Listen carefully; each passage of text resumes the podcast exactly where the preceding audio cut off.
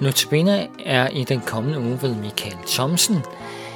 Portrættet, vi sender nu, er en genudsendelse, men det er andagterne ikke.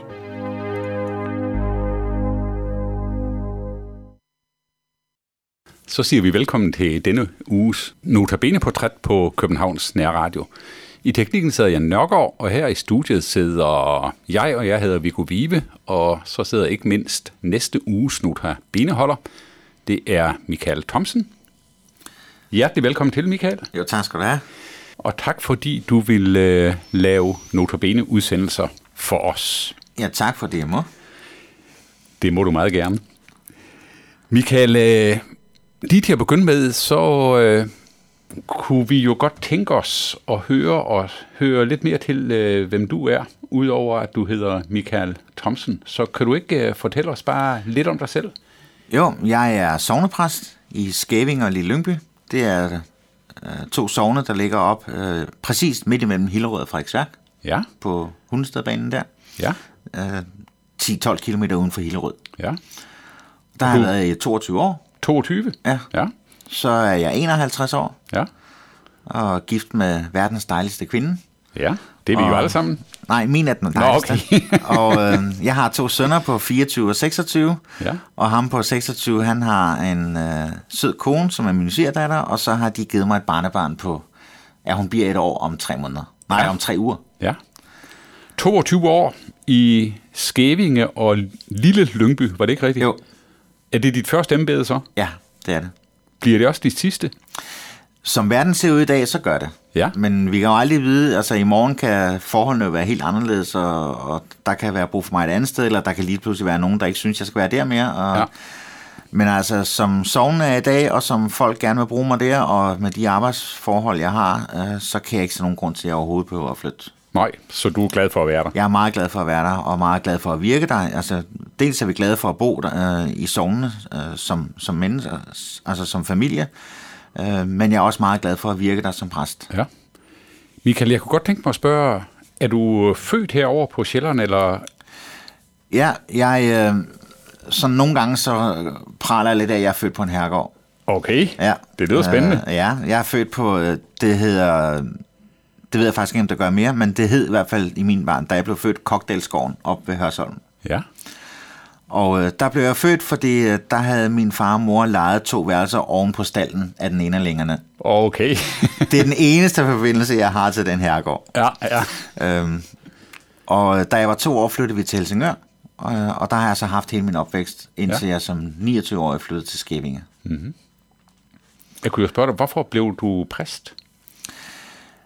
Egentlig fordi jeg ikke... øh, Jeg ville egentlig, ikke, øh, egentlig fordi jeg ikke ville andet. Øh, Da jeg var i konfirmationsalderen, der skulle jeg være politibetjent. Ja. Øh, Det var det alt overskyggende for mig, det var at blive politibetjent. Ja, Så blev jeg konfirmeret, øh, og øh, i den sommer, øh, der var jeg som masser af andre sommer med på diverse lejre, øh, både som deltager, men også som medarbejder på børnelejre, og jeg var med i noget teltarbejde.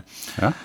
Og efter sommeren, så var der nogle af de her medarbejdere, som kom hen og spurgte mig, om ikke at jeg kunne tænke mig at blive missionær. Okay. Og det kunne jeg ikke, for jeg skulle være politibetjent. Ja. Men jeg fortalte alligevel min far derhjemme, at, øh, at øh, de havde spurgt mig, om ikke jeg kunne tænke mig at blive missionær. Ja, Og så var historien egentlig ikke længere for mig. nej. Men så sagde min far, at altså, hvis det er den vej, du vil gå, så synes han, at når jeg nu, det var så tidligt, at så skulle jeg måske overveje at læse teologi i stedet for. Oh, ja. Han siger, du kan jo altid blive missionær med en teologiuddannelse, Ja. men du kan aldrig nogensinde blive præst eller, eller noget, noget mere, hvis ikke du tager en uddannelse. Nej. Og det var jo egentlig stort af min far at sige, øh, fordi min far har altid kun været arbejdsmand. Ja, Øh, jeg er vokset op i hans lastbil nærmest. Okay. Øh, han har altid i min barndom kørt lastbil. ja. Og, øh, men jeg slog det ud af hovedet, fordi jeg skulle være politibetjent. Ja, Så året efter, der skulle vi have erhvervspraktik i skolen, og øh, der var jeg lidt for sløv i optrækket, så pladserne på Helsingør politistation var optaget, mm-hmm. da, da jeg meldte mig.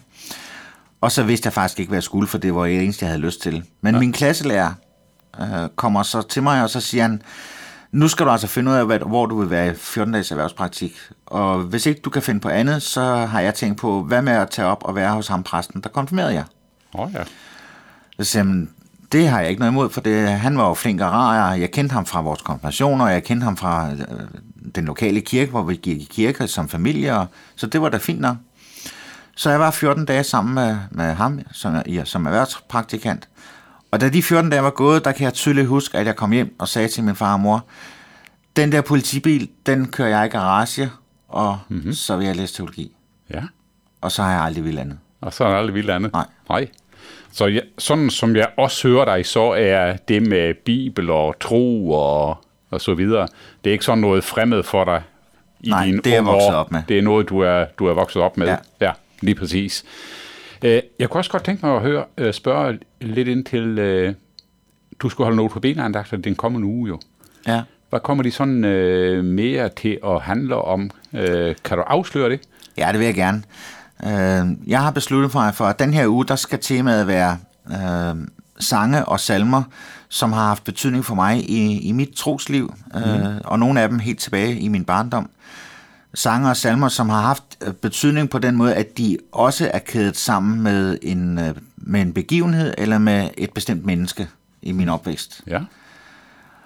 Så det er ikke bare, det er ikke kun salmen som, som et stykke litteratur med det indhold og den forkyndelse, der er i det, der er værdifuld. Det er også fordi, jeg meget ofte, når jeg synger de salmer eller hører dem, ser nogle ganske bestemte mennesker eller nogle ganske bestemte begivenheder For sammen andre. med dem, Ja, det er præcis. som har haft stor betydning for mig. Ja. Og dem vil jeg gerne dele nogle af med, med jer. Det lyder rigtig spændende. Så Michael, endnu en gang tak, fordi du vil øh, lave notabene andagter for os her på Københavns Nærradio. Selv tak. Det er vi glade for.